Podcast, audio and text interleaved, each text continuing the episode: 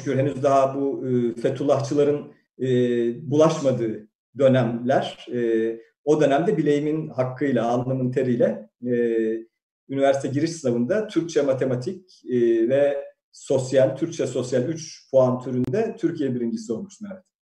O zaman sizle röportaj falan yapmışlar mıydı gazeteler? Ee, o zamanlar böyle e, bu kadar tabii şey yoktu. E, bir de ben e, böyle bir dershane marifetiyle kazanmadığım için öyle dershanecilik girince işin içine biliyorsunuz. Evet. E, o daha ön plana çıkıyor. Ama birkaç yerden bir ödül e, vermişlerdi. E, onları aldım.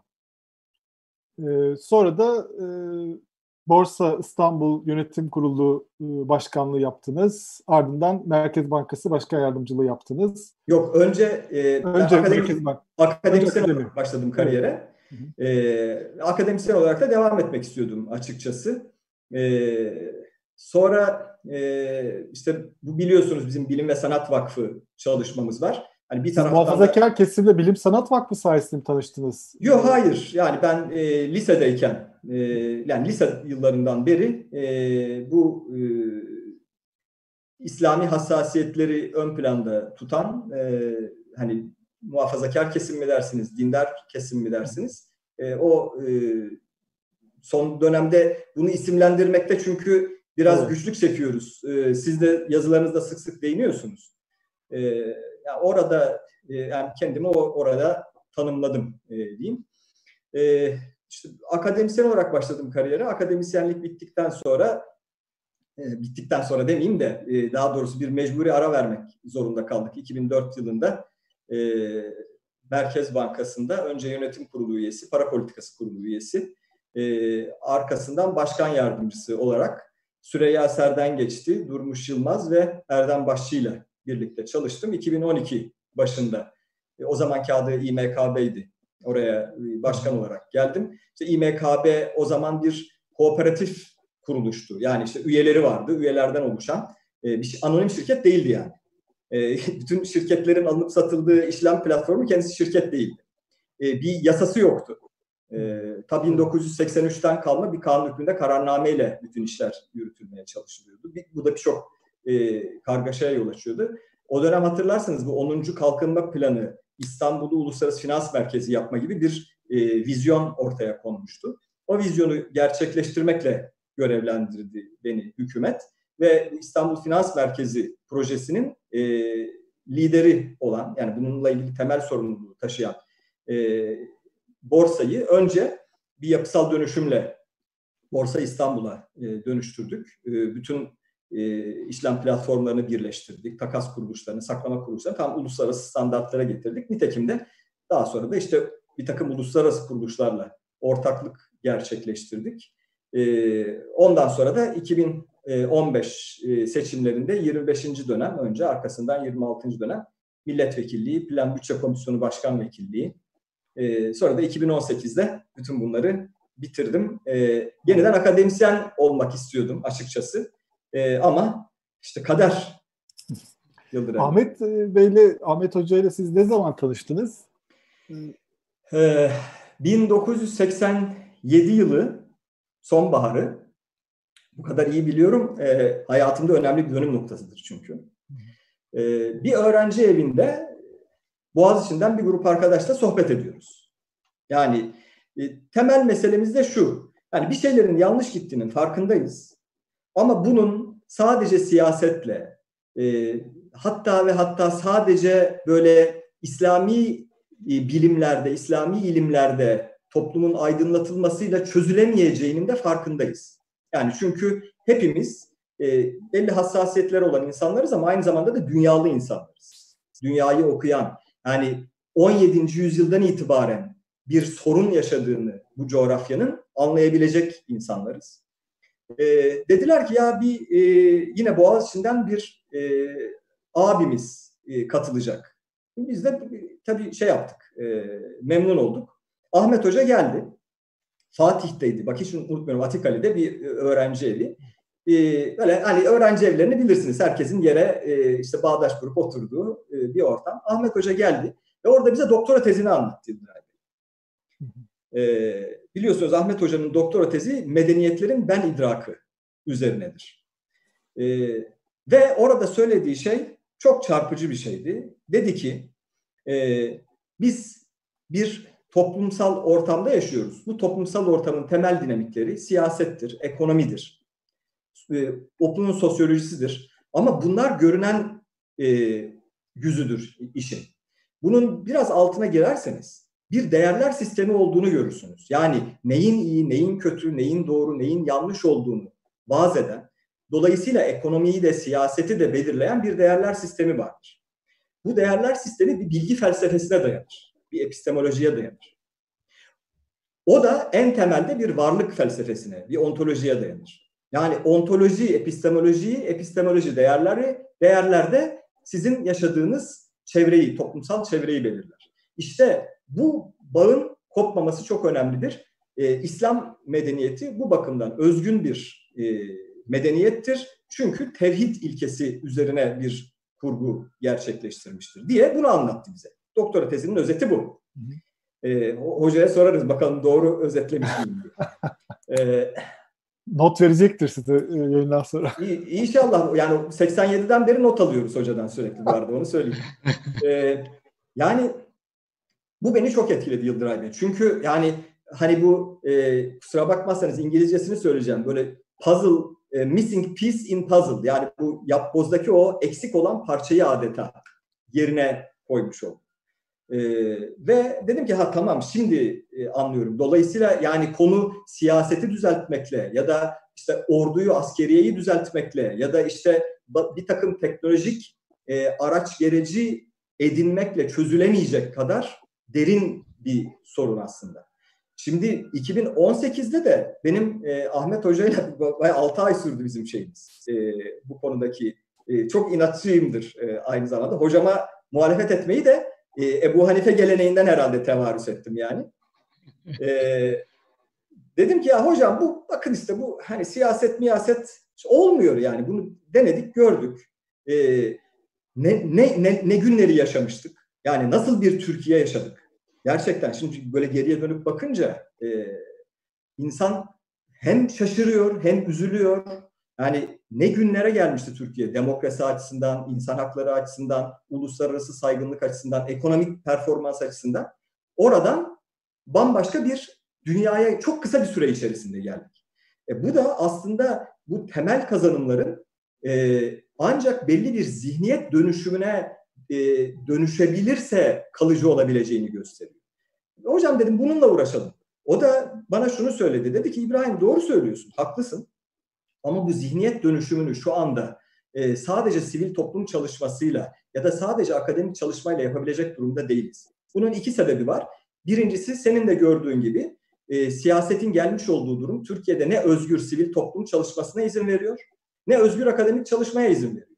Yani siyaset öyle bir e, Leviathan olarak Hobbes'un tabiriyle öyle bir canavar olarak çöktü ki sistemin üzerine yani ne sivil toplumu bıraktı, ne üniversiteyi bıraktı, ne basını bıraktı, e, ne e, iş dünyasını bıraktı. Her tarafta belli talimatlar yağdırarak, korkutarak, tehdit ederek e, şekil vermeye çalışan bir nitelik arz ediyor. Yani bu ortamda e, bu mücadeleyi vermeden, yani bu siyasal mücadeleyi vermeden, o özgürlükleri hak etmeden, toplumu yeniden özgürleştirmeden e, bu bahsettiğin zihniyet dönüşümünü yapmaya imkan yok. İkincisi bir de bir kendimizle hesaplaşmak zorundayız. Yani 1980'li ve 90'lı yıllarda e, hani hatırlarsınız e, Türkiye'de muhalefet yaptığı zaman e, bu işte muhafazakar kesim çok ahlaki olarak haklı bir pozisyondan yapıyordu bu muhalefeti.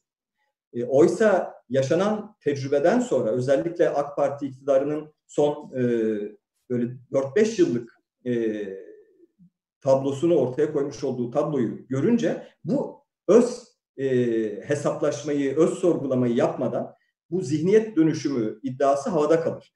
Onun için de bunu gerçekleştirmek için e, biz sadece teoriyle değil, pratikle de e, bu değerleri ortaya koyacağımız bir e, bakış açısına, bir çalışmaya ihtiyacımız var dedi. Her zaman olduğu gibi hoca haklıydı tabii. E, biz de e, onunla beraber bu yola çıktık. Şimdi İbrahim Bey, e, oradan siyasete geldiniz. Şimdi üst yapı e, değişecek. Ondan sonra e, ben idraki değişecek gibi bir e, sonuç çıkıyor. Belki bu da tartışılabilir e, bir şeydir. Ama ben asıl bunu sormayacağım. Şimdi AK Parti'den iki parti çıktı. Yani şu anda AK Parti'den iki parti çıktı. Ve AK Parti'nin hani ekonomi kadrosundan da iki partiye e, ekonomi kadroları çıktı. Yani bu başlı başına e, bir olay e, ve AK Parti'nin e, getirdiği şeyleri düzeltme iradesiyle oluştu. Hem siyasi yapı olarak iki yapı hem ekonomik kadroları. Siz de baş danışmansınız. Evet e, Sayın Genel Başkan'ın Gelecek Partisi'nde ama ekonomi kurmaylarından olarak da biliniyorsunuz. Ne var yani hem diyelim ki Deva Partisi'nde bir e, ekonomi ağırlıklı bir kadro var. Hem Gelecek Partisi'nde ekonomi ağırlıklı bir kadro var. Ne var ki böyle bir e, yani iki partinin de misyonunda ağırlıklı bir ekonomi söylemi ortaya çıkacak gibi gözüküyor. E, şimdi müsaade ederseniz e, Ahmet Hocam önce kendimi tasrih edeyim e, ve tahsis ed tasih edeyim, düzelteyim. E, ben asla hani önce üst yapı değişecek sonra alt yapı değişecek anlamında söylemedim ama sadece içinde bulunduğumuz gerçeklikte bu siyasal mücadeleyi vermeden o altyapının değişmesine uygun bir özgürlük ortamı hazırlanamıyor. Yani onu e, ifade etmek istemiştim. E, yoksa kuşkusuz tabii ki yani zihniyet dönüşümü yani Türkiye'deki muhafazakar e, kitlenin evrensel değerlerle gerçek anlamıyla buluşup bunları kendi medeniyet haritasında bunların karşılıklarını bulup içselleştirmediği e, müddetçe biz 3 yıl 5 yıl işler iyi gitse bile sil baştan yapıyoruz. Yani anlatmaya çalıştığım e, şey buydu. Onu mu kaybettiğimizi düşünüyorsunuz? Evet, evet. Yani e, bu e, ev, şimdi evrensel değerler aslında insanlık e, birikiminin bir toplam e, eseri, ürünü. E, bunun e, o insanlık birikiminin ayrılmaz bir parçası olan bizim medeniyet haritamızda da karşılıkları var kuşkusuz.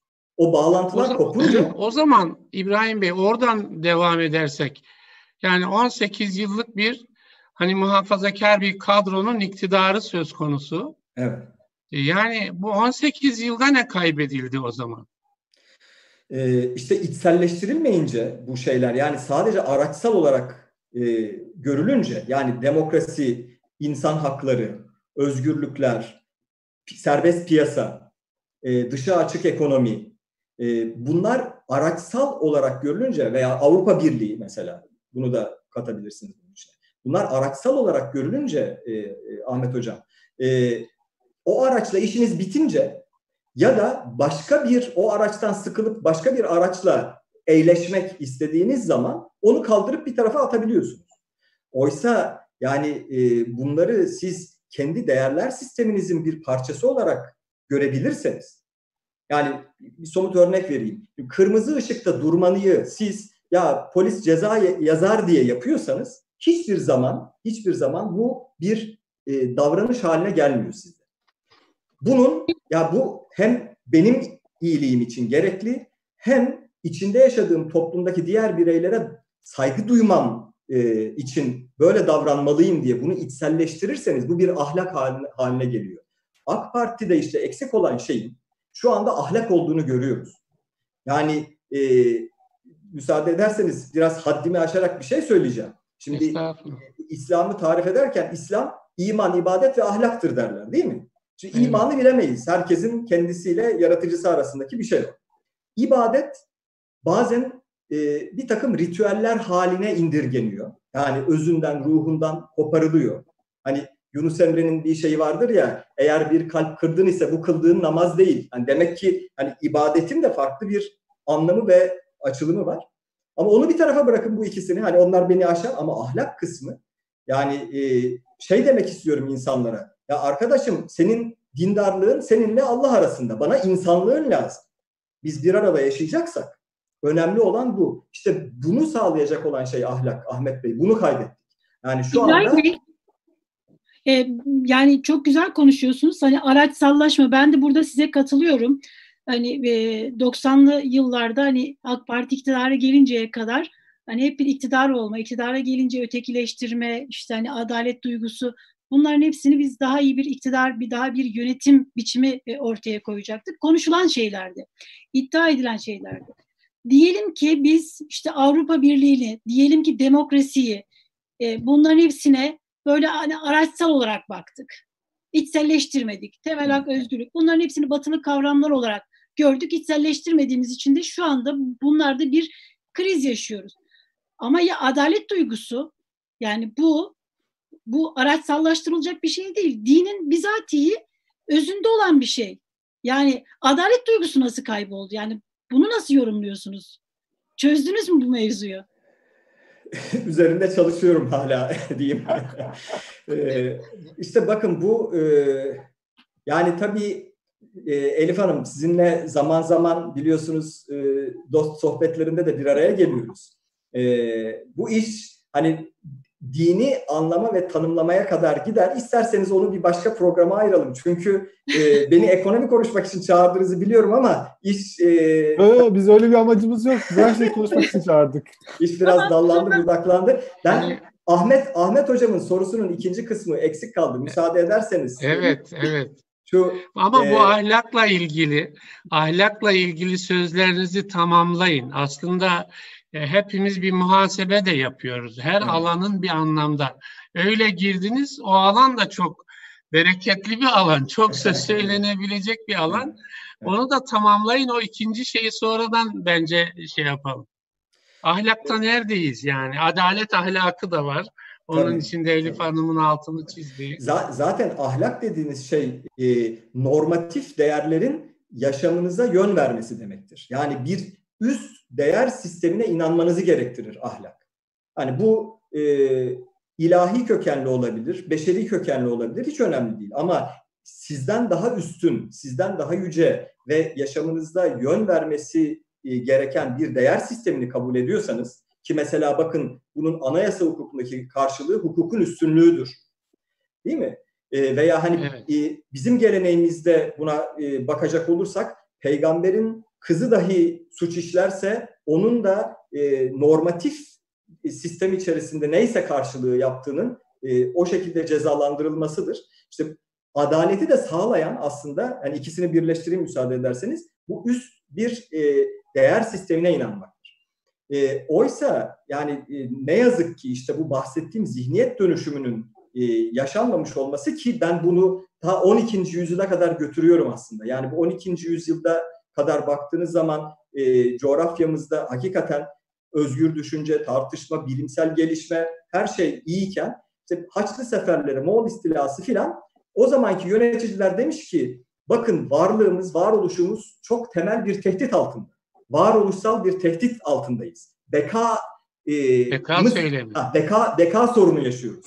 Dolayısıyla şu anda bunları bir tarafa bırakın. Bunlara gerek yok. Güvenliği ön plana alalım.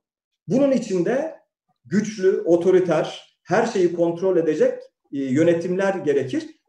Ondan sonra bunun meşrulaştırılması dönemini yaşıyoruz. Şimdi e, doğrudur. Hani bu bir şey değil, son değil. Neticede hani böyle bir e, oryantalist bakış açısıyla e, şey yapmıyorum, bunu değerlendirmiyorum ama hani şunu da görmemiz ve kabul etmemiz lazım ki o tarihten itibaren güvenliğin öncelendiği, bekanın öncelendiği e, ortamlarda doğal olarak ne özgür düşünce olmuş, ne bilimsel gelişme olmuş, ne kendi değerlerimizi yeniden üretmemiz. Yani değişen zamana göre ezmanın tagayyürü ile ahkamın tagayyürü inkar olunmaz diyor Ahmet Cevdet Paşa Mecelle'de.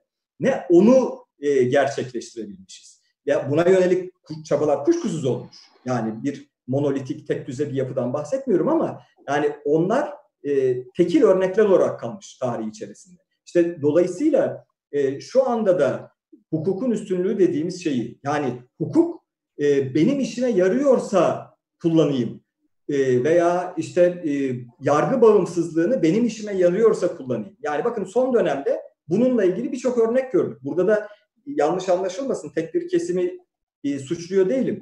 Yani 1990'lı yıllarda yargının farklı şekilde araçsallaştırıldığını gördük. 28 Şubat tecrübesi yaşadık hepimiz. Yani ben 28 Şubat mağdurlarından birisiyim. Bunu da bu vesileyle söyleyeyim. Nasıl ee, mağdur oldunuz? Ve yani eşim başörtülü olduğu için yani üniversitede görev yapmam o zaman e, Marmara Üniversitesi'nde öğretim elemanıydım. Yani imkan ver, verilmedi. Yani bir de kimliğimden dolayı. E, beni hani biraz tabiri caizse istifaya mecbur edecek bir süreç yaşandı. Ya ben de onurlu bir insanım. İstenmediğim yerde e, kalmayacak kadar kendime saygı duyarım. E, ayrıldım üniversiteden o dönemde. E, ve uzun süre bir e, işsizlik şeyi e, yaşadık tabii, sorunu yaşadık. E, daha sonra mesela e, AK Parti iktidarının ilk yıllarında, şimdi tabii bunlar unutuldu hep. E, Yıldıray Bey sağ olsun eksik olmasın hatırlatmak için çok çaba sar, harcıyor ama e, darbeci geleneğin, Ergenekon zihniyetinin e, farklı baskılarına muhatap olduk. Yani ben e, o dönemde e, ekonomi bürokrasisi içerisinde görev yapıyorum. Yani herhangi bir e, yapmak istediğimiz en küçük şeyde bile karşımıza idari yargının bir araç olarak farklı kesimler tarafından çıkarıldığına şahit olduk. Yani şu Merkez Bankası Başkanı atamasını hatırlayın yani lütfen. E, yani neticede nasıl 2006'da nasıl bir şey yaşanmıştı orada. Ayakkabı e, kapısında ayakkabı var falan tabii, onlar gündeme geldi. E şimdi şimdi e, daha sonra Fethullahçılardan gördük bunu. Yani FETÖ yargıyı araçsallaştırmaya çalıştı. En sonda da e, işte ne yazık ki ne yazık ki e, AK Parti iktidarının e, benzer bir e, girişim içerisinde olduğuna şahit oluyoruz. Yani demek ki bakın çok farklı kesimler, çok farklı dönemlerde hukuku hep araç olarak görmüşler. Hukuk bir araç değildir oysa. Evet. İbrahim Hukuk Bey, üst norm olmalıdır. Biraz e, hem siyaset hem de ekonomiye doğru geçmek için bir ara sorusu sorayım ben. E, yine biraz yakın geçmişle ilgili. Şimdi e, biraz önce Ahmet Bey sorarken benim de aklıma geldi. Yani bu iki partide de bu kadar çok ekonomist, iyi ekonomist olmasının sebeplerinden biri bu ekonomistlerin e, bu daha doğrusu ekonomi AK Parti ekonomisini yöneten insanların bir noktada tasfiye edilmesi diyelim. Yani hani kelime e, siz uygun görür müsünüz bilmiyorum ama 2014-15 e, gibi işte sizin de çalıştığınız işte Erdem Başçı, işte bizim dün konuk ettiğimiz önceki gün İbrahim Çanakçı, Hazine Müsteşarı. Siz siyasete girdiniz ama hani sizinki de benzer bir belki şey sayılabilir. İşte Ali Babacan, sonra Mehmet Şimşek. Yani AK Parti'nin başarılı olduğu bir ekonomi e, siyaseti ve e, bürokrasisi vardı. Fakat bu isimler bir noktadan sonra bunlarla yol ayrımına gidildi. Başka isimler tercih edildi. Oradaki kırılma ne oldu? Yani nasıl bir tercih miydi bu yoksa bir e, sadece isimler mi değişmek değiştirilmesi istendi? Oradan başlayalım isterseniz. Çünkü o kırılma herhalde bugünkü ekonomik sorunlarla da çok doğrudan ilişkili. Doğru söylüyorsunuz. Ee, şimdi önce bakın bir şey hatırlatayım. 2015 yılı Ocağı'nda e, Dünya Ekonomik Forum'un e, toplantılarına katıldık. E, 2015 Ocak. Dünya Ekonomik Forumu toplantılarında bir özel e, Türkiye paneli düzenlendi. Bu Türkiye panelinde e, bu şu anda kullandığımız bu e, dijital hani online yayıncılığın biliyorsunuz ilk e, versiyonu Skype'tır. E, Skype diye bir program vardı. Bu Skype programını Microsoft'u, e, Amerika'daki borsaları buralara yatırım yaparak daha sonra halka açık hale getirmiş çok büyük bir uluslararası yatırım fonu vardır. Çok köklü e, ve çok büyük bir yatırım fonu. Başkanı da hem e, Brookings Institute'da e, danışma kurulu üyesi ve mütevelli heyeti üyesi olacak kadar entelektüel hem de Bill Clinton e, yönetiminde e, ekonomik danışman olarak e, Ekonomik Danışmanlar Konseyi Başkanlığı yapacak kadar e, şey bir kimliktir. Yani tanınmış güçlü bir kimliktir. O vardı konuşmacı mesela. Konuşmacılardan bir tanesi oydu. Diğeri e, biliyorsunuz Türkiye'de hala her şeye rağmen en büyük yatırım portföyünü tutan Avrupa İmar ve Kalkınma Bankası var. EBRD. E, onun başkan yardımcısı. Üçüncüsü de e, Nasdaq borsasının genel müdürü. Bu üç isim yani hani dünya finansının e, diyelim ki en güçlü, en e, kudretli isimleri. Ben de oturum başkanıyım panelde bu arada. E, hani e, şeyin e, kaderin cilvesi e, ve bu panelin konusu Yıldıray Bey Türkiye'ye ve özellikle de İstanbul'a yatırım yapmak. Ve konuşmacılar dinleyicilere döndüler Dünya Ekonomik Forumu'nda. Kardeşim niye buralarda vakit kaybediyorsunuz? Gidin İstanbul'a, gidin Türkiye'ye yatırım yapın. Bu yükselen bir yıldızdır dedi. O, o dönem. Ee, şimdi bakın o, o günden çok kısa bir süre geçtikten sonra Türkiye mülkiyet güvenliğinin tartışmalı olduğu, mülkiyet hakkının tartışmalı olduğu, ee, bankacılık sisteminin, sermaye piyasalarının e, neredeyse her gün değişen kurallar, düzenlemelerle e, için içinden çıkılmaz hale geldiği, e, sermaye hareketleri serbestisinde 1990'lı yılların bile öncesine, e, gerisine gidildiği e, ve Türk lirasının uzun yıllar, uzun yıllar bölgede bakın ben Merkez Bankası Başkan Yardımcısı olarak görev yaptığım dönemde e, yani iftihar ettiğim, onur duyduğum en önemli başarılarından birisi ki benim sorumluluğumdaydı o proje.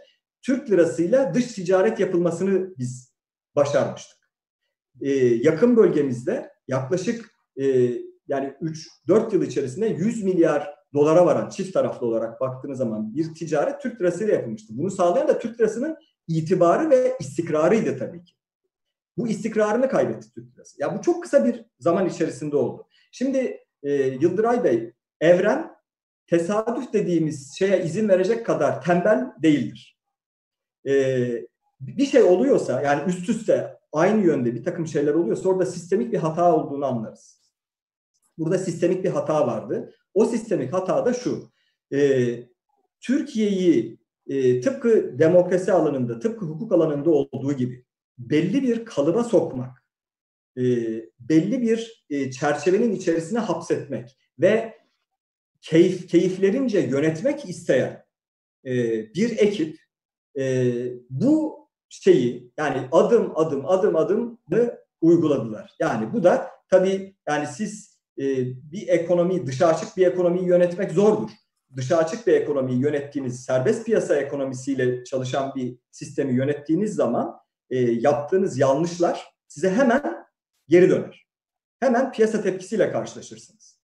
Ama siz e, kafanızda Türkiye'yi belli bir yere götürmeyi düşünüyorsanız işte o zaman mesela bu e, dışa açıklık sizin ikide birde ayağınıza dolaşan bir şey haline gelir. Bu e, serbest piyasa ikide birde e, gözünüze batan bir şey haline gelir. Şimdi tabii ki o ekiple Yıldıray Bey e, bu mantıksız, diye, iktisat bilimine ters ve toplumun da yararına olmayacak e, uygulamaları bu ekibe yaptıramazsınız. Yani e, bu ekipteki herkes e, son derece o dönemde görev yapan bütün arkadaşlarımı e, kastederek söylüyorum. E, belli bir niteliğe sahip, e, belli bir ahlaka sahip insanlardı. Dolayısıyla da yani mesela e, görev yaptığımız dönemlerde hakikaten e, önümüzden e, son derece büyük meblalar geldi geçti. Hani e, Allah korusun, Allah korusun tabii. Ama bugün e, hiç hesabını veremeyeceğimiz hiçbir şey yoksa, alnımız açık, rahatlıkla e, bu konuşmayı burada, bu ekranda yapabiliyorsak, e, bu o dönemde üzerine titizlikle titrediğimiz şeffaflık gibi, hesap verme sorumluluğu gibi, kamu e, malının e, namusunu koruma gibi hassasiyetlerin sonucudur. Tabii e, siz bu noktada farklı bir takım uygulamalara şu ya da bu gerekçeyle e, girmeyi düşünüyorsanız bu ekiple bunu yapamazsınız. Dolayısıyla bu kırılmanın da bu değişimin de sebebi budur bence. Peki e, siz şimdi tabii e, e, bu ekibe yanlış işler yaptırılamazdı. Hani dışa açık bir ekonomi yönetmek zor ama liyakattan bahsettiniz. Ee, şu, şunu mu anlamalıyız? Yani Türkiye aslında bilinçli bir şekilde ekonomik krize sokuldu.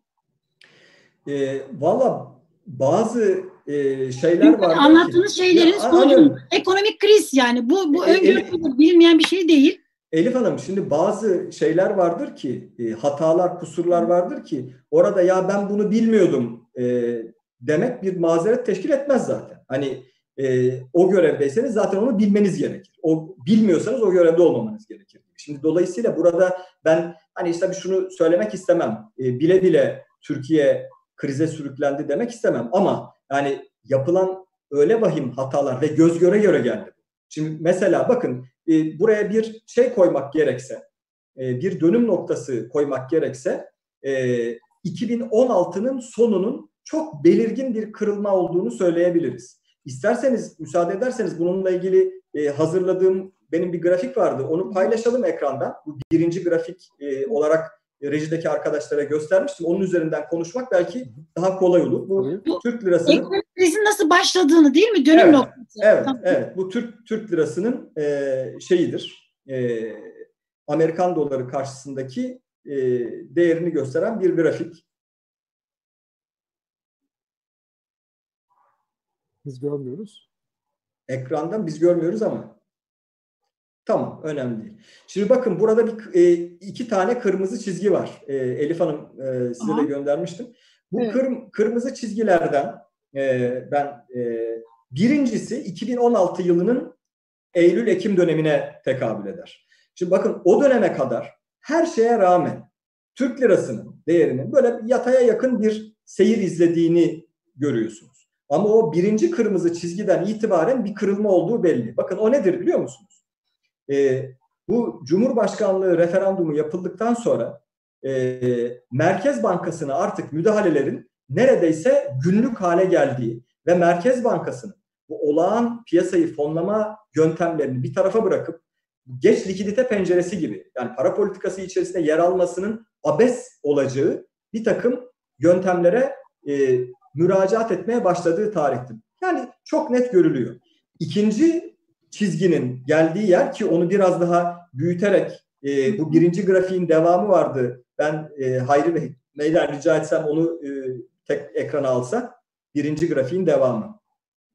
YouTube YouTube ekranında görülüyor Evet, ama. Bu birinci birin, birinci birinci grafiğin devamı e, Cumhurbaşkanlığı hükümet sisteminde kabinenin ilan edildiği tarihtir.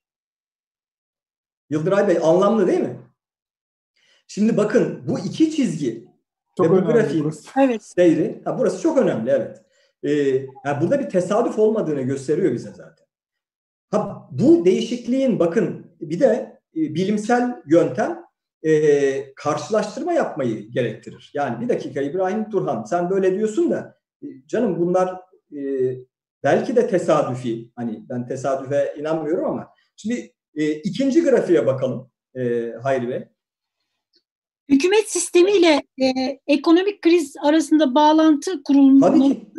Tabii ki tamamen o. Yani yönetim bir yönetim krizi olduğunu anlatmaya çalışıyorum zaten e, Elif Hanım. Şimdi bakın ikinci grafik e, şu orada mesela Rus uçağının düşürülmesi üzerinden büyük bir şey koparılıyor değil mi? Hala da devam ediyor. İşte Rus uçağı düşürüldü, şöyle oldu, böyle oldu. Bakın Rus uçağının düşürülmesinin etkisini görebilirsiniz o grafik. Rus uçağının etkisinin düşürülmesi bu. Ama e, Cumhurbaşkanlığı hükümet sisteminin etkisi az önce gördüğümüz etki. Üçüncü grafiğe geçelim. Bakın üçüncü, üçüncü grafik 15 Temmuz'un etkisini gösteriyor. Yani bakın hani Rus uçağının düşürülmesi 15 Temmuz gibi travmalarla karşılaştırıyorum. Hani bunlar hakikaten e, ben e, önemli olduğunu biliyorum bu travma, travmalar. Ama bunlar bile sizin kurumlarınız ayaktaysa, kurallar iyi kötü herkese aynı şekilde uygulanıyor. Oyunun ortasında kural değiştirilmiyorsa, mülkiyet hakkı güvence altındaysa, e, iyi kötü bir öngörülebilirlik varsa, iyi kötü bir güven varsa bakın bunlar yönetilebilir şeyler oluyorlar. Bir de e, müsaade ederseniz tabii hani e, burada Gelecek Partisi e, Genel Başkan Baş Danışmanı olarak konuşuyorum. Bu üçüncü grafikte e, bu 15 Temmuz'dan biraz daha sola giderseniz 15 Temmuz'a benzer ikinci bir sıçrama göreceksiniz. E, Görebiliyor musunuz bilmiyorum. Evet. O, o nedir biliyor musunuz Yıldıray Bey? Mayıs 2016. Evet. Nedir Mayıs 2016? Ben söyleyeyim. Ee, Sayın Sayın e, Genel Başkanımız Ahmet Davutoğlu'nun e, son derece demokrat, antidemokratik bir şekilde e, yönetimden ayrılmaya zorlandığı e, başbakanlığı seçilmiş bir başbakan iken e, bırakmaya bir e, saray darbesiyle zorlandığı e, tarihtir. Bakın onun etkisi de görülüyor. E, şimdi dolayısıyla çok teşekkür ediyorum Hayri Bey. Şeye dönebiliriz, normal ekrana dönebiliriz. Dolayısıyla e, bu bu grafikler bize şu yaşadığımız krizin son dönemini ama sadece son dönemden bahsediyorum. Aslında yönetimle ilgili bir e, kriz olduğunu gösteriyor. Eksikliğini çektiğimiz şey mülkiyet hakkının güvence altına alınması, eksikliğini çektiğimiz şey politikaların rasyonel bir biçimde bilgiye dayanarak, e, iktisat biliminin kurallarına saygı göstererek, e, ehliyet ve liyakat sahibi insanlarca kurumsal kapasiteye, kurumların kurumsal hafızasına saygı göstererek e, yönetilip yönetilmemesi ekonominin. E, temel sorunun ben bu olduğunu düşünüyorum. Şimdi burada e, İbrahim Bey yani tam da belki e, kamuoyunda e, çokça gündeme gelen bürokrat ve siyasi irade arasındaki çekişmeler konusu e, geliyor. Yani işte laf dinlemeyen bürokrat söylemi sonunda Merkez Bankası'ndaki tasarrufları vesaire e, gündeme getirmiş oluyor. Yani nasıl bir iç şey yaşandı o süreçte? Mesela faiz lobisi söylemleri gündeme geliyor. Yani belki e, meçhule söyleniyor ama onun sanıyorum ki bir boyutu Merkez Bankası yapısıyla vesaire işte laf dinlemeyen bürokratlarla bağlantılı. Neler yaşandı orada? E, Valla bakın e, şimdi yüksek faiz iyi bir şey değildir Ahmet Hocam. Yani aklı başında hiç kimse faizin yüksek olmasını istemez. Çünkü ekonominin temel amacı e, o toplumda yaşayan insanlara refah sağlamaktır. Bu da e, daha fazla üretimle olur, daha fazla istihdamla olur. Buradaki temel problem şu. Daha fazla üretim ve daha fazla istihdamı nasıl sağlayacağız? Şimdi e, şayet bu hani evrenin işlediği belli temel yasalar var değil mi? Evet. Yani inançlıysanız buna işte yaratılış kanunları dersiniz. İnançsızsanız e, doğa kanunları dersiniz. Ama neticede yani, rasyonel olan yani akıl sahibi olan insan bu evrendeki işleyişin belli yasalara göre olduğunu bilir. Şimdi bu yasalara göre mi yöneteceğiz ekonomiyi? Yoksa hokus pokus yapmaya mı çalışacağız? İşte hokus pokus ne? Merkez Bankası'na karşılıksız para bastır ve e, bir illüzyon yarat. Bir hayali cennet yarat. Hani şeyin e, bu Haşhaşilerin e, biliyorsunuz Hasan Sabbah'ın Hasan Sabbah'ın Alamut Kalesi'ndeki şeyi gibi. Yani insanları uyuştur. E, şu anda yapılan aslında o. Yani aşırı likiditeyle karşılıksız para basarak e, bir bolluk iklimi yarat. Bankaları da kredi vermeye zorla. Bir taraftan borçlandır herkesi. Hem firmaları hem bireyleri daha fazla borçlandır. Bir taraftan da para bas ve böylelikle ekonomi büyüsün. Şimdi bilim bize diyor ki bu yanlış. Böyle yapma. Bu kalıcı olarak sana ne üretim artışı getirir ne istihdam artışı getirir. Bu defalarca denenmiş, ispatlanmış, kanıtlanmış bir şey. İkincisi, ikincisi üstelik şimdi e, şöyle bir argüman var. Ya kardeşim seçilmiş bir iktidar var. Merkez Bankası atanmış bürokratlardan oluşuyor. Ne demek Merkez Bankası bağımsızlığı? Merkez Bankası bağımsızlığı demek Merkez Bankası kendisine bayrak çekecek, e, keyfe mayeşe hareket edecek demek değil. Merkez Bankası bağımsızlığı, Merkez Bankası karşılıksız para basmayacak. Peki karşılıksız para basmak ne demek? Karşılıksız para basmak siz farkında olmadan cebinizdeki parayı tırtıklamak, tırnakçılık demek yani. Yan kesiciliğin bir değişik türü. Karşılıksız para basmak yasa olmadan vergi toplamak demek. Çünkü e, benim ben cebimde 100 lira var zannediyorum Ahmet Hocam. Ama siz bir taraftan bana çaktırmadan 100 lira daha koyuyorsunuz ekonomiye. E birdenbire para miktarı arttı ama ürün mal miktarı artmadı. Her şeyin fiyatı yükseliyor. Dolayısıyla ben cebimde hala 100 lira var zannediyorum ama o 100 liranın önemli bir kısmı bu şekilde aşındırılmış. Ben yani farkında olmadan, hissetmeden cebimdeki paranın bir kısmını çalmışlar. Ya da ya da yasa olmadan vergi toplanmış gibi düşünebilirsiniz. Şimdi hükümetin yasa olmadan vergi toplamasına ya da kendi yurttaşlarını kandırmasına hakkı olduğunu iddia etmek mümkün mü demokratik bir toplumda? Yani seçim seçilmiş olmak böyle bir hak verir mi siyasi iktidar? Yani Merkez Bankası bağımsızlığı bununla ilgilidir. Yoksa Merkez Bankası tabii ki bu ülkenin kurumlarından birisidir. Tabii ki o da büyümeyi, tabii ki istihdamı, tabii ki ekonomi politikalarıyla uyum içerisinde bir duruş sergilemeyi önceler. Ve bunlar bu ülkede de başarıldı bu arada. Yani e, bakın e, şimdi e, siz e, hatırlarsınız e, hoca 1980'li yıllarda enflasyon sürekli böyle gazetelerde bir canavar karikatürüyle gösterilirdi öyle değil mi? Evet, Biz evet. inanırdık ya bu ülkede böyle bir canavar var ve bu hakikaten e, başa çıkılamaz bir şey. Gem vuramıyoruz bir türlü. Kimler neler hangi politikaları denedi değil mi? Hiç olmadı olmadı olmadı düşmedi. Aa sonra bir baktık 2011 yılında ben Merkez Bankası'nda görev yaparken yıllık enflasyonun İngiltere'deki yıllık enflasyonun altına geldiğini gördük. Bu oldu. Biz yaptık bunu. Türkiye'nin yıllık enflasyonu İngiltere'nin yıllık enflasyonun altına düştü. Yani açıp bakabilirsiniz veriler orada Nisan 2011. Benim Merkez Bankası'nda görev yaptığım son yıl. Ee, ama ondan sonra ondan sonra bakın bir şey olmuş. Ee, yine rica edeyim e, Hayri Bey'den bizim e, bir sonraki dördüncü grafiğimizi göstersin. Ha şimdi bakın orada da ilginç bir şey var. Görüyorsunuz böyle bir yine kırmızı daire içine aldığım bir dönem var. O dönem böyle bir önceki döneme göre bir miktar yüksek. Bir miktar yüksek ama yatay gibi. Fakat ondan sonra böyle kopmuş yukarıya gidiyor. Bakın burada sorunun aslında temelinin e, yani en temelinin 2016'dan da daha önce olduğunu görüyoruz. Bunun sebebi ne? Bakın bu yine kur grafiği. Son grafiğimizi, beşinci grafiğimizi ekrana getirelim lütfen. Bakın burada da 2011 yılına kadar sürekli olarak düşen hatta 2012 yılının sonuna kadar diyeyim sürekli olarak düşen enflasyon yani zikzaklar çizmiş kuşkusuz yükseldiği alçaldığı olmuş o dünya konjonktürüyle ilgili bir şey. Ama netice itibariyle genel olarak alçalma trendinde olan trendinde olan enflasyonun o tarihten itibaren 2013'ten itibaren artık yükselme trendinde olduğu bir dönem yaşamışız. Enflasyon değerli arkadaşlar bir yönetimin halkına ekonomik olarak verebileceği en büyük zarardır. Ahlaksızlıktır, kanunsuz vergi toplamaktır, hırsızlıktır. İşte Peki bütün... İbrahim Bey, evet. İbrahim Bey enflasyon ve faiz arasındaki ilişkiyi anlatabilir misiniz? Mesela Cumhurbaşkanı Erdoğan'ın ekonomiyle alakalı şöyle bir tezi var. Hani faiz düşerse enflasyon da düşer.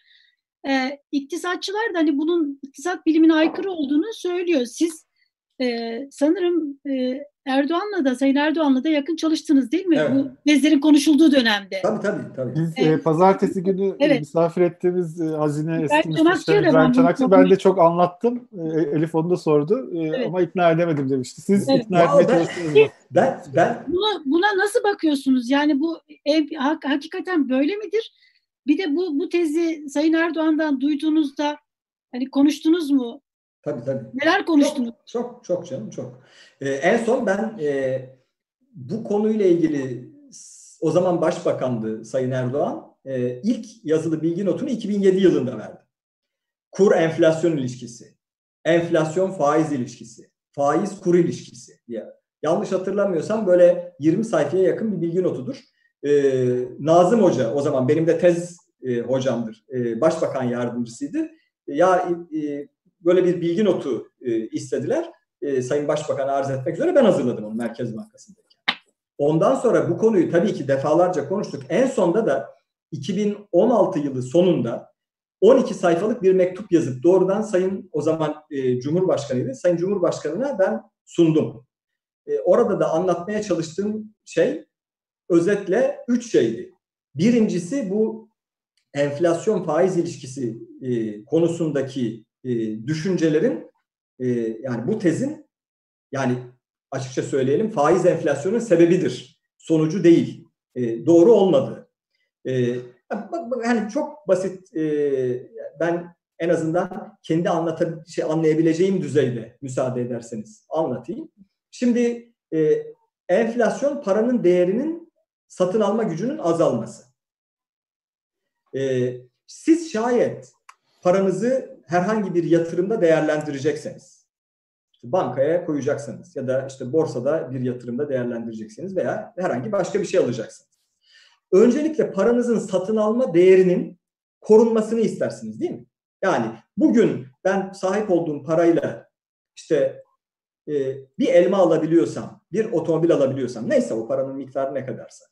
Bir yıl sonra da hiç olmazsa aynı şeyi alabileyim yine. Yani o para bana bir yıl sonra da bir otomobil e, aldırabilsin. Peki, peki bu ne demek?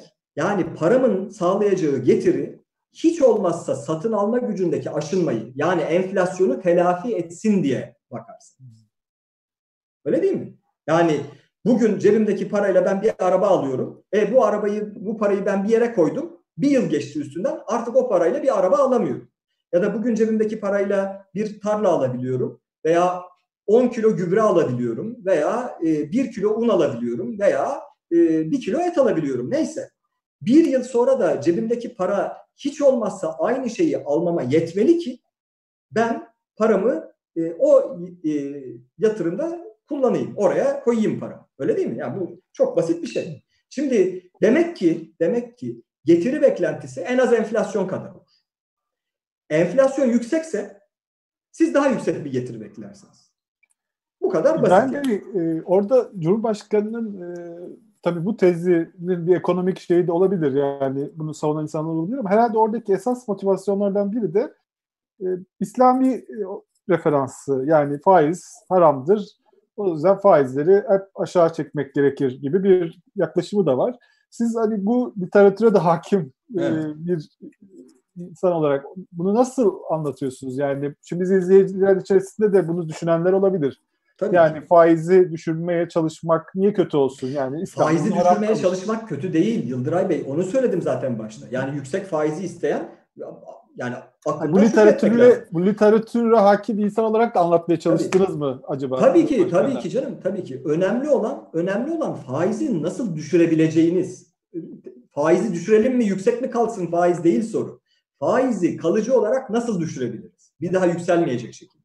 Şimdi Taha Bey bakın e, zaman zaman e, karardaki yazılarında e, Taha Akyol Bey şey yapar. Yani tasarruf eksikliğinin e, ta 17. yüzyılda, 18. yüzyılda Türkiye ile e, İngiltere arasında faiz oranlarının nasıl farklı olmasına yol açtığını. Şimdi o dönemde e, yani Osmanlı Devleti'nde insanların faiz konusunda duyarsız olduğunu düşünmek abes olur herhalde. Ama işte bakın bir, şöyle bir gerçeklik var. Tasarruf oranları yetersizse faizler yüksek olur. Ee, siz bunu idari kararla düşürmeye çalışırsanız şimdi olduğu gibi bu sefer büyüme olmuyor.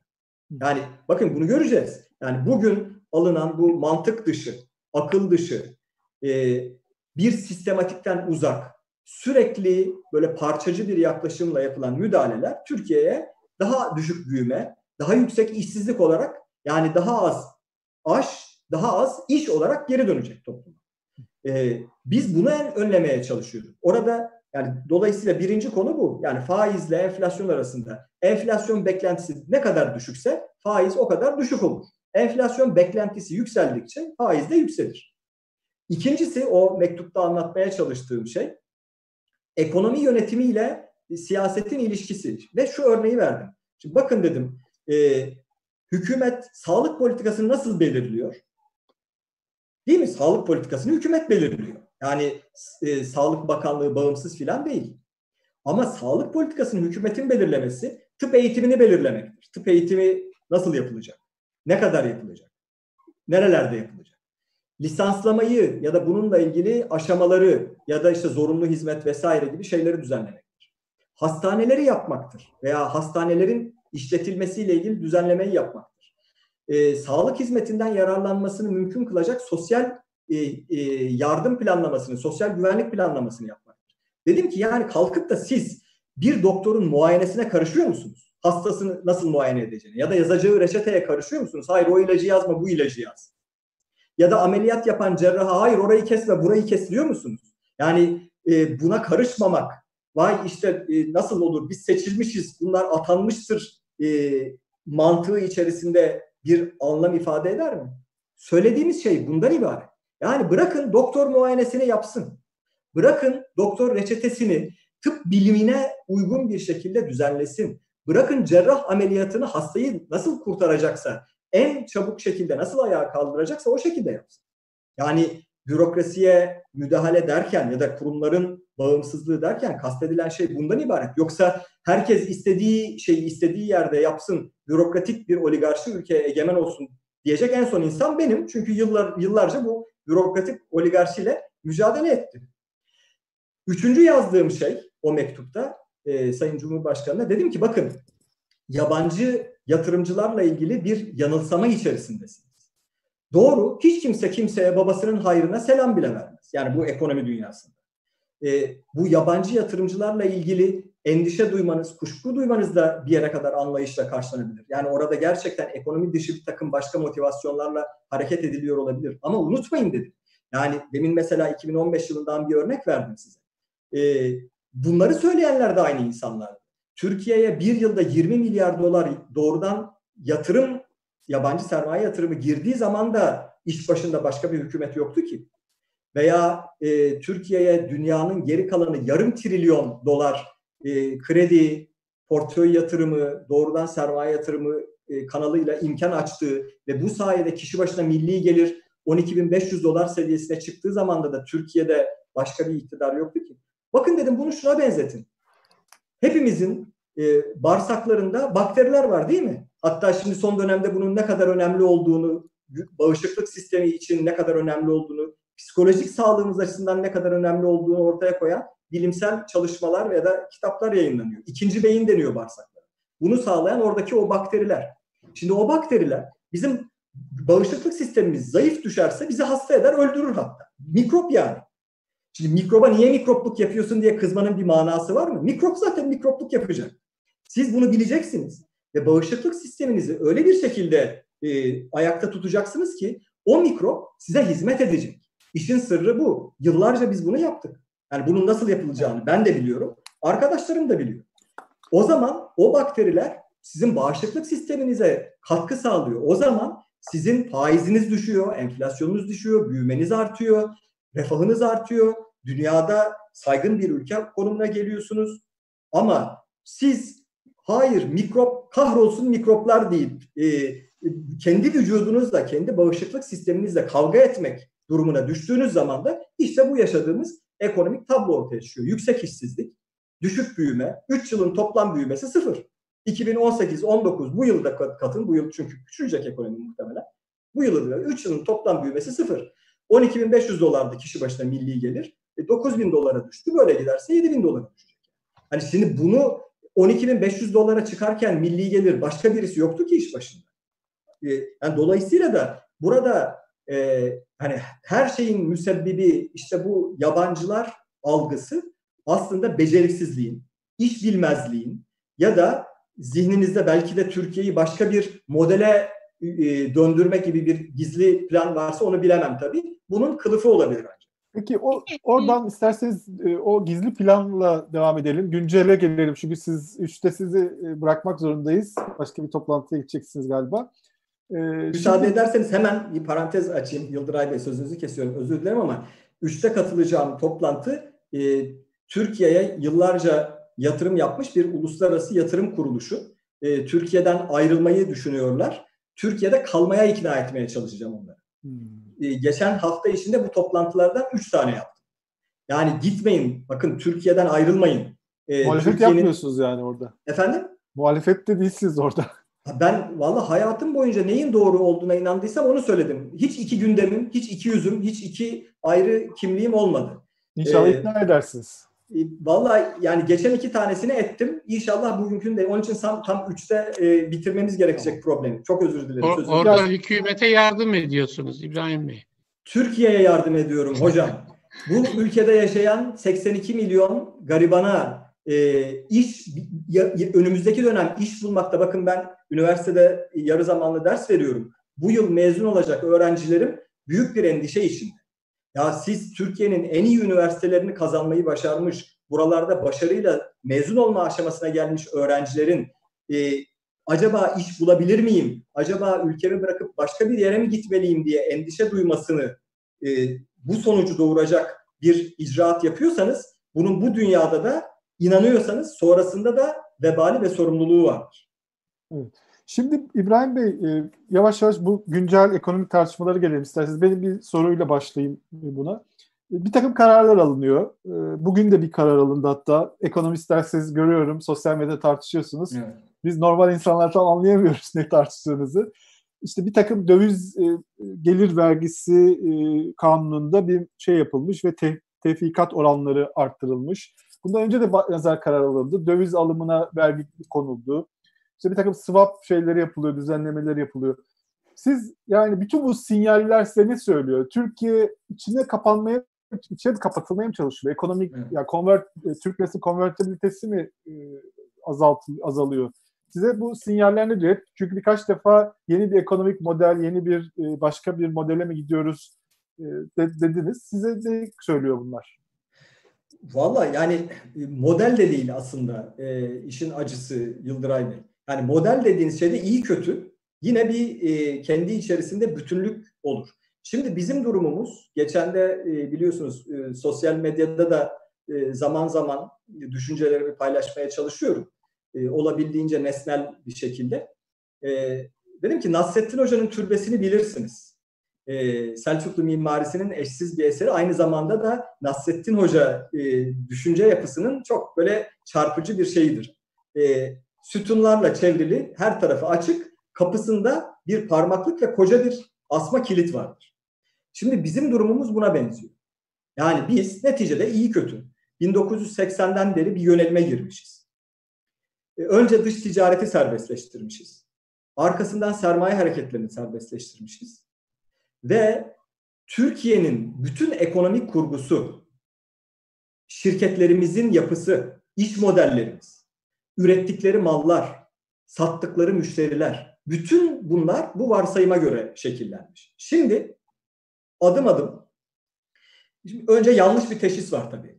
Ee, bize bütün bu problemlerin sebebi yabancıların e, Türk lirasını düşürmeye çalışması, bunu da işte hükümete zarar vermek için yapıyorlar. Teşhis bu. Teşhis böyle yanlış olunca ne yapacağız o zaman? Yabancı işlemleri yasaklayalım. Ondan sonra ama bu yetmez. Türkiye'dekilerin de yabancı para işlem yapmasını yasaklayalım. Ama bu da yetmez. Altınla ilgili de aynı sınırlamayı getirelim. Çünkü altın da aslında dolar. Hani bir ara biliyorsunuz e, Sayın Cumhurbaşkanı işte dolar almayın altın alın filan dedi ya. Hani bu hakikaten ben üzüldüm. Hani hangi danışman, hangi e, yakını kendisine bu şeyi söylettiyse çok büyük bir kötülük etti e, kendisine. Ee, ben Türkiye devletini temsil eden e, Sayın Cumhurbaşkanı'nın her zaman yaptığı her konuşmada söylediği şeylerle saygınlık uyandırmasını isterim. Ben çünkü Türkiye Cumhuriyeti vatandaşıyım. Ee, beni temsil eden, ben siyasal olarak görüşlerine katılırım katılmam ayrı bir şey ama e, Cumhurbaşkanlığı makamının saygın olmasını isterim. E, siz Türkiye'de Yıldıray Bey üretimin onlarca katı altın ithalatı yapılıyor. Net net altın ithalatımız bizim yıllık 250 tondan fazla. Bu ne demek? Altın almanız için dolar vermeniz lazım demek. Dolar vermek için önce dolar almanız lazım demek. Yani dolayısıyla dolar almayın altın alın demek ne yazık ki iktisaden anlamsız bir şey. Şimdi dolayısıyla bunu da fark ettikleri için bakın geçen zaman yakın zamanda bu sefer altın işlemlerine de vergi koydu. E, şimdi bugün sabah e, Türkiye hazinesinin ihraç etmiş olduğu yabancı para cinsinden Eurobondlara e, bir e, Türkiye'de kurulmuş olan yatırım fonlarının bunları almasını yasaklamak mecburiyetinde kaldılar. Neden yaptılar bunu biliyor musunuz? Bakın çok acı. Yani bana anlatırken acı veriyor. Ama bunu anlamamız önemli. Hani sorunuza da cevap olacak. Şimdi e, siz Dövize vergi koydunuz ya. Döviz işlemlerine vergi koydunuz. Ondan sonra da bankalar kredi versin ve hazineye borç versin diye bir de aktif rasyosu diye bir düzenleme yaptınız. İlk yaptığınızda olmadı onu bir daha değiştirdiniz. Sonra bir daha değiştirdiniz. Neredeyse böyle hani günlük eskiden kurlar günlük ilan ediliyordu. Şimdi düzenlemeler günlük ilan edilmeye başlandı. Her güne bir düzenleme.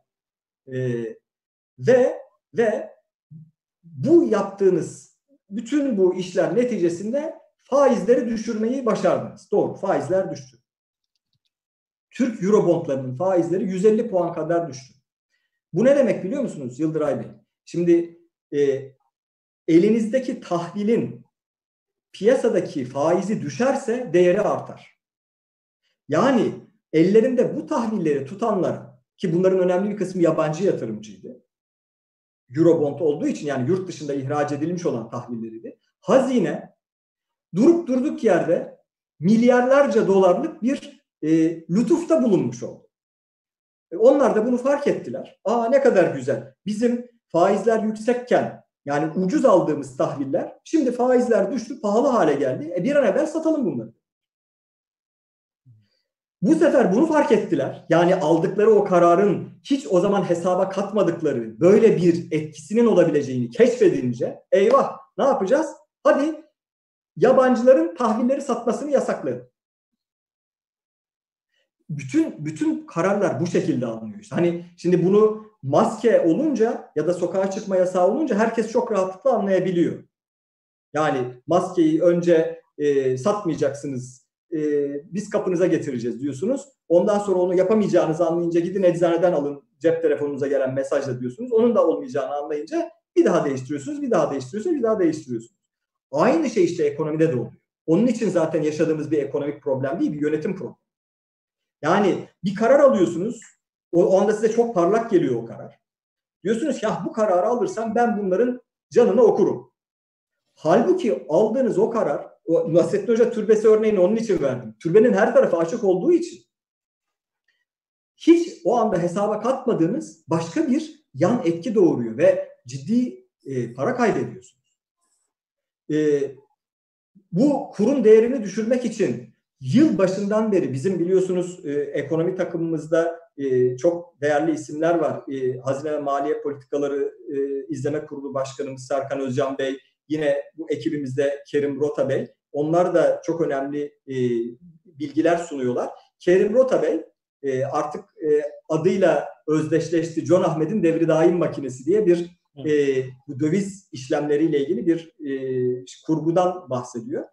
O rakamlarıyla ortaya koydu. Yıl başından beri 44 milyar dolar Merkez Bankası rezervinden satmak zorunda kaldılar. Kur 7 liranın altında kalsın.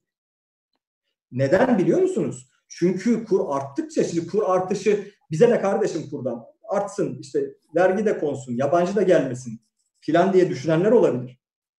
Siz biliyor musunuz Yıldıray Bey sadece bu kamu özel işbirliği yatırımları sebebiyle hükümetin vergi mükelleflerini üzerine boynuna taktığı ödeme yükü Amerikan doları 10 kuruş arttığı zaman 14 milyar lira artıyor. Her 10 kuruşluk kur artışı önümüzdeki 25 yıl cebimizden 14 milyar lira daha fazla para çıkması demek. 14 milyar lira ne demek yani? 14 milyar lira e, yani bizim bütçenin herhalde e, yanlış bilmiyorsam yüzde ikisine falan tekabül ediyor. Hani şimdi e, ya da bu kurun artması yabancı parayla borçlanmış olan şirketlerin üzerindeki zararların, borç yükünün kat be kat artması sonucunu doğuruyor. Yani burada hayali bir şeyden bahsetmiyoruz. Yani kur artsa ne olur? İşte e, bunlar hep dış mihrakların oyunu zaten filan. Yani bu, bunlar e, belki e, bir kesimin hoşuna gidiyor olabilir. Ama gerçeklerle yüzleşeceğiz. Bakın bunların e, bunların maliyetini bu toplum ödemek mecburiyetinde kalacak. İşte e, demek istediğim e, burada bu alınan kararlar bir taraftan bir şeyi tıkamaya çalışırken, bir deliği kapamaya çalışırken e, bir taraftan iki delik birden açılıyor. Yani yamacı zihniyet bu. Rahmetli Erbakan Hoca e, pansuman e, tedbirler filan derdi ya hatırlar mısınız bilmiyorum. Pansuman tedbirler derdi. Şimdi bu pansuman tedbirler benzeri yamacı zihniyet diyorum ben. Bir bütünlükten uzak. E, ve e, bu e, alınan kararlarla e, tamam peki onu deneyelim. Değil mi? Yani bu, bu da bir yani neticede e, fikirdir. Niye dışa açık olsun Türkiye? Olmasın kardeşim bu kadar dışa açık olmasın. Sermaye hareketlerini de sınırlama getirelim. ithalata da sınırlama getirelim. Bunu da denedik. Biz bu ülkede bunu denedik. 1970'li yıllarda denedik. 80'li yılların ilk yarısında denedik. Bunun sonuçlarını gördüğümüz için bu sisteme geçtik zaten. Peki bir daha deneyelim. Hani ona da bir itirazım yok. Yani bu isteniyorsa toplum da buna destek verecekse ama topluma bunun bakın sonuçlarını anlatalım. Mesela neyi anlatalım Yıldıray Bey?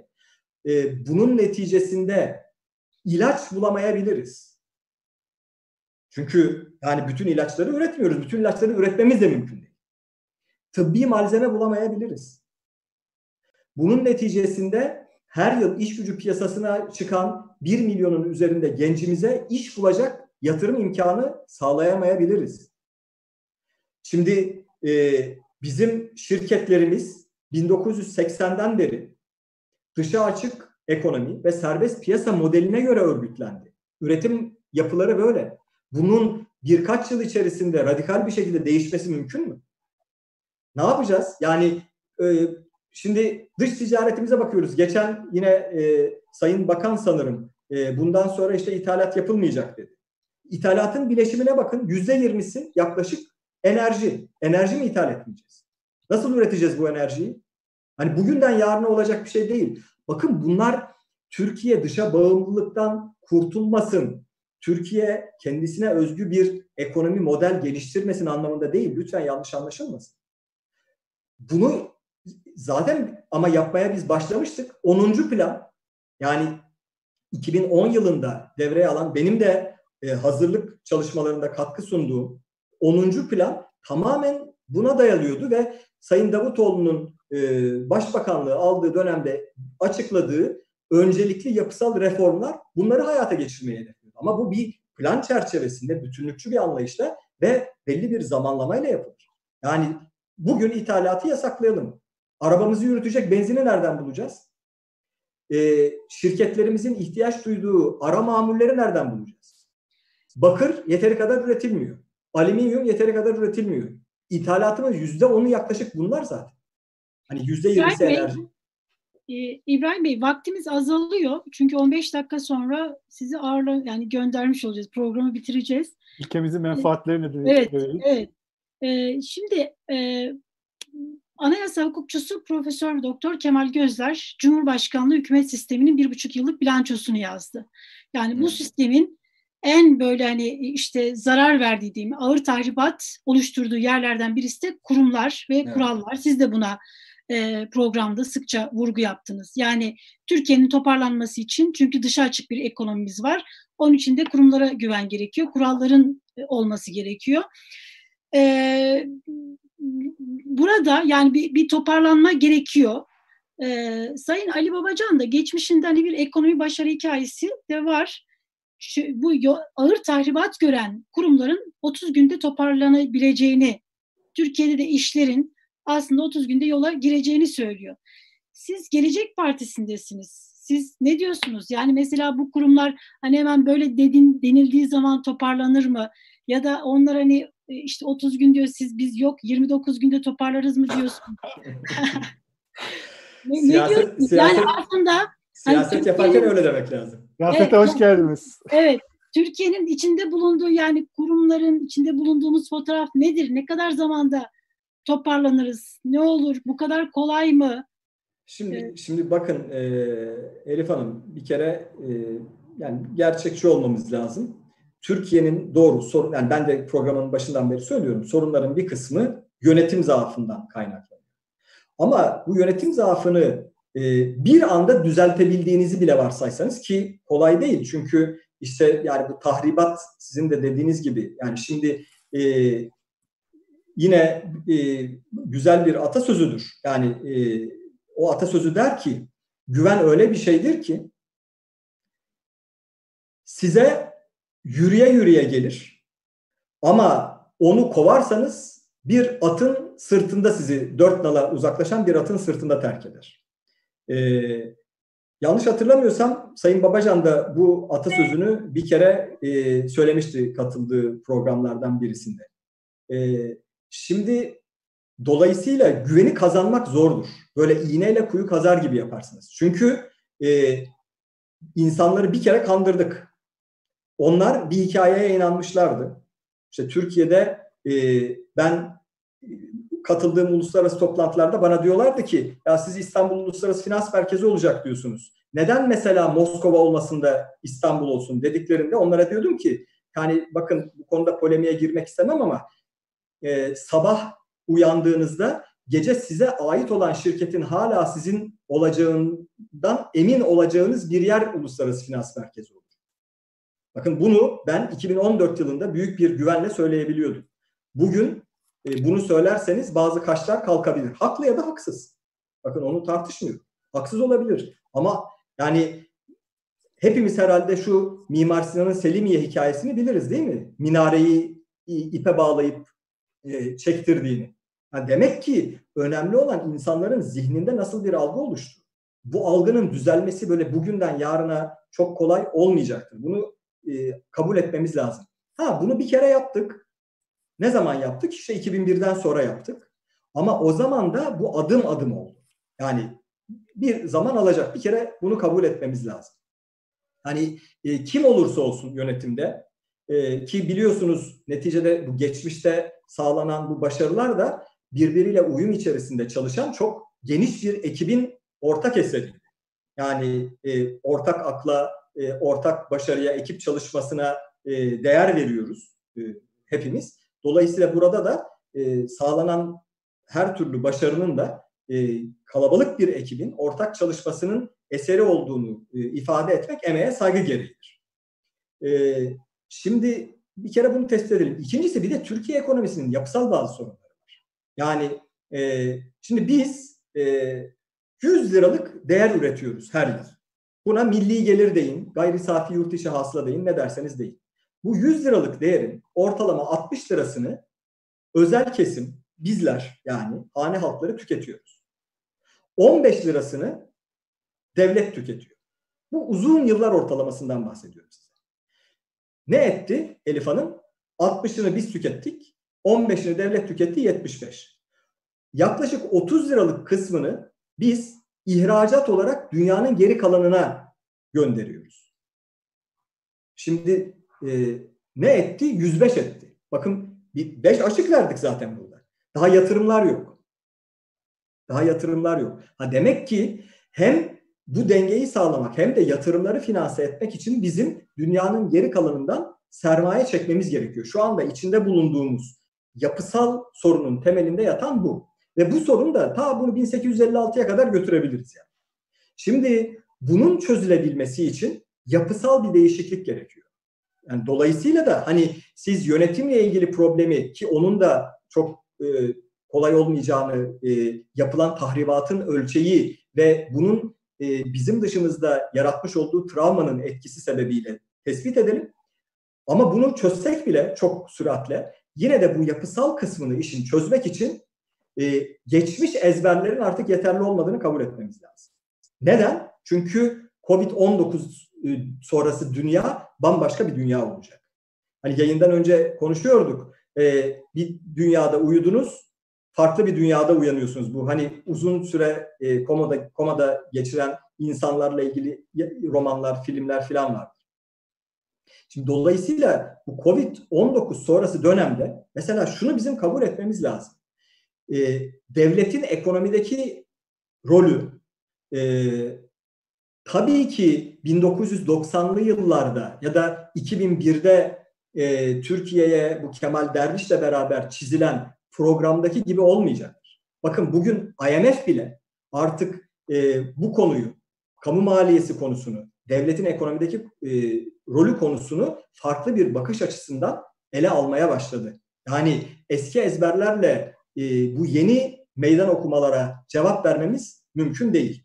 Burada da hem felsefi derinliği, entelektüel derinliği hem kuramsal derinliği, derinliği olan yeni bir kurguya ihtiyacımız var. Şimdi hep beraber bir kere bunu oluşturmamız lazım. Bir de bunu bizim e, hani bu konuya akıl yormuş insanlar olarak üretmemiz yetmez. Bunu topluma da benimsetmemiz lazım. Toplumun da bunu benimsemesi, satın alması, desteklemesi lazım. İkincisi kapsayıcılık konusu çok önemli olacak. Kapsayıcılık e, derken toplumun e, en fazla desteklenmeye ihtiyaç duyan kesimlerinden başlayarak ama tamamının temel sağlık, temel eğitim, e, temel sosyal hizmetler gibi bir takım hizmetlere erişimini güvence altına almanız lazım. Ve bütün bunları da e, serbest piyasa ekonomisiyle çelişmeyecek bir harman içerisinde ortaya koymanız lazım. Şimdi 2001'de ve 2008'de iş e, görece olarak daha kolay değil efendim. Ama şu anda hem Türkiye ekonomisinin karşı karşıya olduğu sorunlar hem küresel yapı e, bizi daha zorlu bir e, sürece yönlendiriyor. Dolayısıyla da burada e, hemen acele bir netice alacağız diye e, alıştığımız, bildiğimiz, öğrene geldiğimiz, geçmişte hatta tecrübe ettiğimiz şeyleri birebir uygulamaya kalkarsak e, biraz e, umduğumuz kadar olumlu netice almayabileceğimizi düşünüyorum ben.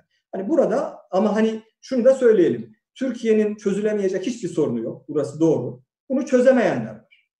E, bütün sorunların nasıl çözüleceği belli. Yani e, bunu yapabiliriz ama bunu yaparken de birebir geçmişin tekrarı olmayacağını bilmemiz lazım.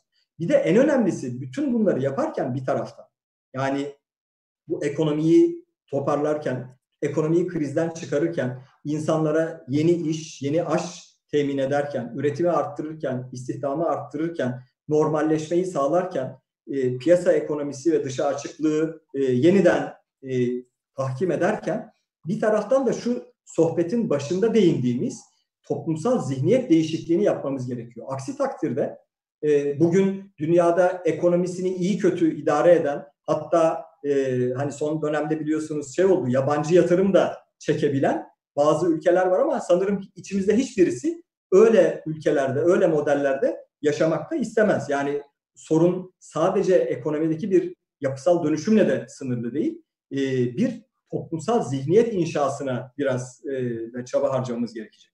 Maliye Bakanlığı'nın açıklamasından bahsediyorsunuz herhalde değil mi? Bu demokrasi işte ekonomi bağlantısı yatırım. kuran yatırım evet. Ee... Valla evet yani bu e, özgürlükler, demokrasi ve yabancı yatırım aynı cümlede olur mu olmaz mı diye talihsiz bir e, şey e, olmuş. Ben de e, e sonradan e, basından muttali oldum. Şayet doğruysa bu e, gerçekten hani başlı başına bununla ilgili bir program yapmak lazım. E, bakın şöyle bir yine anekdot anlatayım müsaade ederseniz. E, 2008'den 2012'ye kadar Merkez Bankası'nın e, dış ilişkilerinden ben sorumluydum. E, aynı zamanda para politikasının iletişiminden de ben sorumluydum. Bu e, sıfatla da Türkiye'yi G20'de temsil eden işte dört kişiden birisi bendim. E, işte iki gün önce yine e, ekranlarınızda konuk ettiğiniz, benim de çok sevdiğim, çok saygı duyduğum e, İbrahim Çanakçı Sayın e, İbrahim Ali Çanakçı Beyefendi ile birlikte o hazine müsteşarı ben Merkez Bankası Başkan Yardımcısı olarak yardımcılar kulübü vardır. G20'de asıl bütün teknik çalışmayı aslında bu ekip yapar. Yani bakanların oradaki rolü biraz pişirilmiş yemeği e, müşteriye e, servis etmektir. Asıl mutfaktaki çalışmayı e, İbrahim Bey ve onun hazinedeki ekibi e, ben e, ve bizim Merkez Bankamızdaki ekip tabii diğer BDDK'da var, SPK'da var. Yani çok büyük geniş bir ekip çalışmasından bahsediyoruz. E, orada bu 2009 yılında biz Merkez Bankası olarak faiz indirdik. Krizin ortasında. Başlangıçta çok eleştirilmiştik ya olur mu hani böyle faiz indirimi mi olur? Hani Türkiye kendisini ne zannediyor filan diye böyle hatta çok sert ifadeler oldu. Ben e, gün böyle kapı kapı dolaşıp bu yeni e, ekonomik modeli anlattığımı hatırlıyorum. E, ve çok şükür her seferinde de karşımdaki muhataplar şu şunu söylemişlerdi bana. E, tamam şimdi anladık. Çünkü siz size güveniyoruz. Çünkü kitabın ortasından konuşuyorsunuz dediler. Bakın kitabın ortasından konuşup inovatif düşünmek, yeni bir şeyler söylemek. Ama aynı zamanda da e, gelenekle ya da genel kabul gören şeyle bağı koparmamak önemli bir şey. E, şimdi bu şeyde e, sonunda e, dediler ki ya Merkez Bankası'na, Türkiye Merkez Bankası'na Nobel Ekonomi Ödülü verilse yeridir. E, bunu da e, Stiglitz gibi çok e, ünlü bir şey söyledi, e, iktisatçı söyledi. E, ve G20'de bana dediler ki ya siz ne yaptınız? Bu problemleri nasıl çözdünüz? Bana bize bir anlatır mısınız?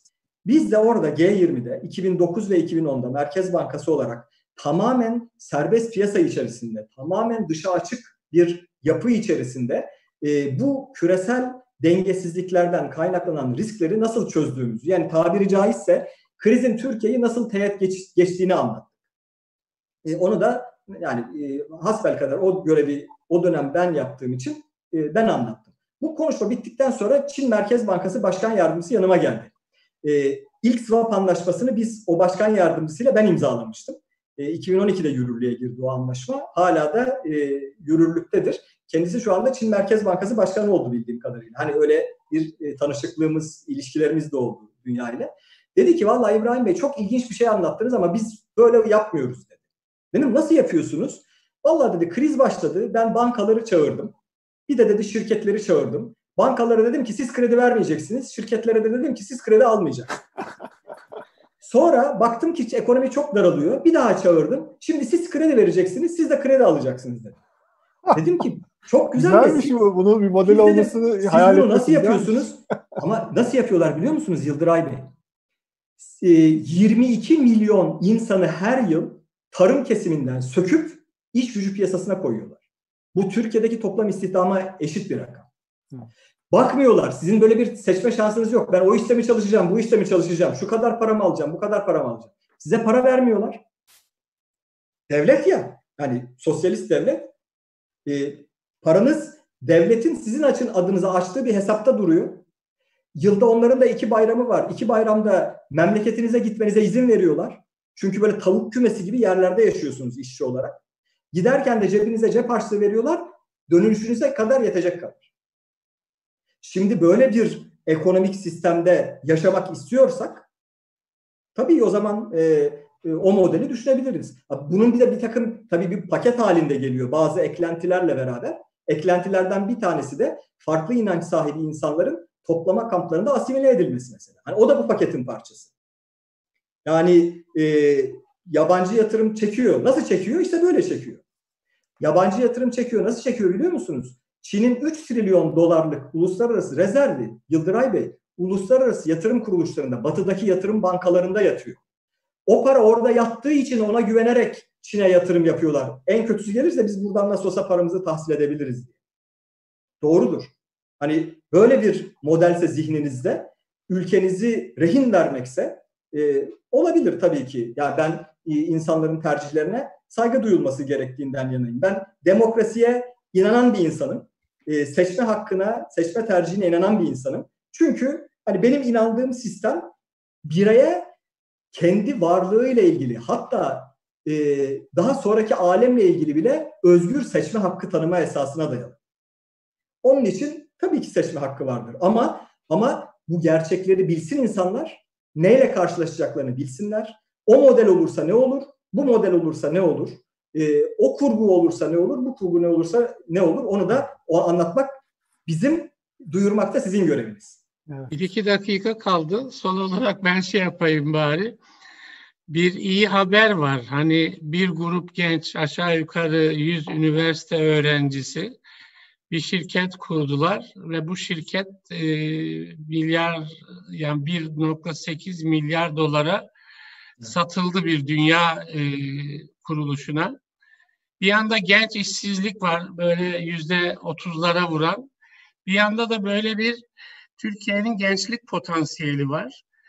Yani işsizlik nasıl çözülecek? Bu insan sermayesi nasıl e, fonksiyonel hale gelecek, e, kinetik enerjiye dönüşecek? Onun üzerinde çalışıyorsunuz muhakkak. Tabii ki. E, ben dediğim gibi e, yani Gelecek Partisi'nin önemli belki de avantajlarından bir tanesi akademiyle irtibatımızın kesilmemesi. Biliyorsunuz Sayın Genel Başkanımızın yakın zamanda e, uluslararası etki doğuran yayınları oldu. E, hem yabancı dilde hem Türkçe yayınlandı. E, biz de elimizden geldiği kadar bir taraftan e, akademik çalışmaya da devam ediyoruz. Dünyayı takip ediyoruz. Kendimizi sürekli yeniliyoruz. Şimdi mesela bakın bu bahsettiğiniz şey yani Türkiye'nin içinde bulunduğu bütün bu olumsuzluklara rağmen e, bu satışın yapılmasını mümkün kılan şey dijital platform. Çünkü dijital platform öyle bir şey ki orada böyle emir demiri kesmiyor işte. E, yani yasalara, o dijital platformun yasalarına saygı duymanız gerekiyor. E, ya da mesela bunu şuna benzetebiliriz. Türkiye'nin potansiyeliyle ilgili e, değindiniz. Mesela işte şu Covid-19 salgınında e, Sağlık Bakanlığı'nın çalışmaları, oradaki bilim kurulunun çalışmaları, sağlık personelinin fedakarlıkları sayesinde Türkiye'nin bu büyük krizi e, son derece başarılı bir şekilde yönettiğini görüyoruz. Nasıl oldu bu?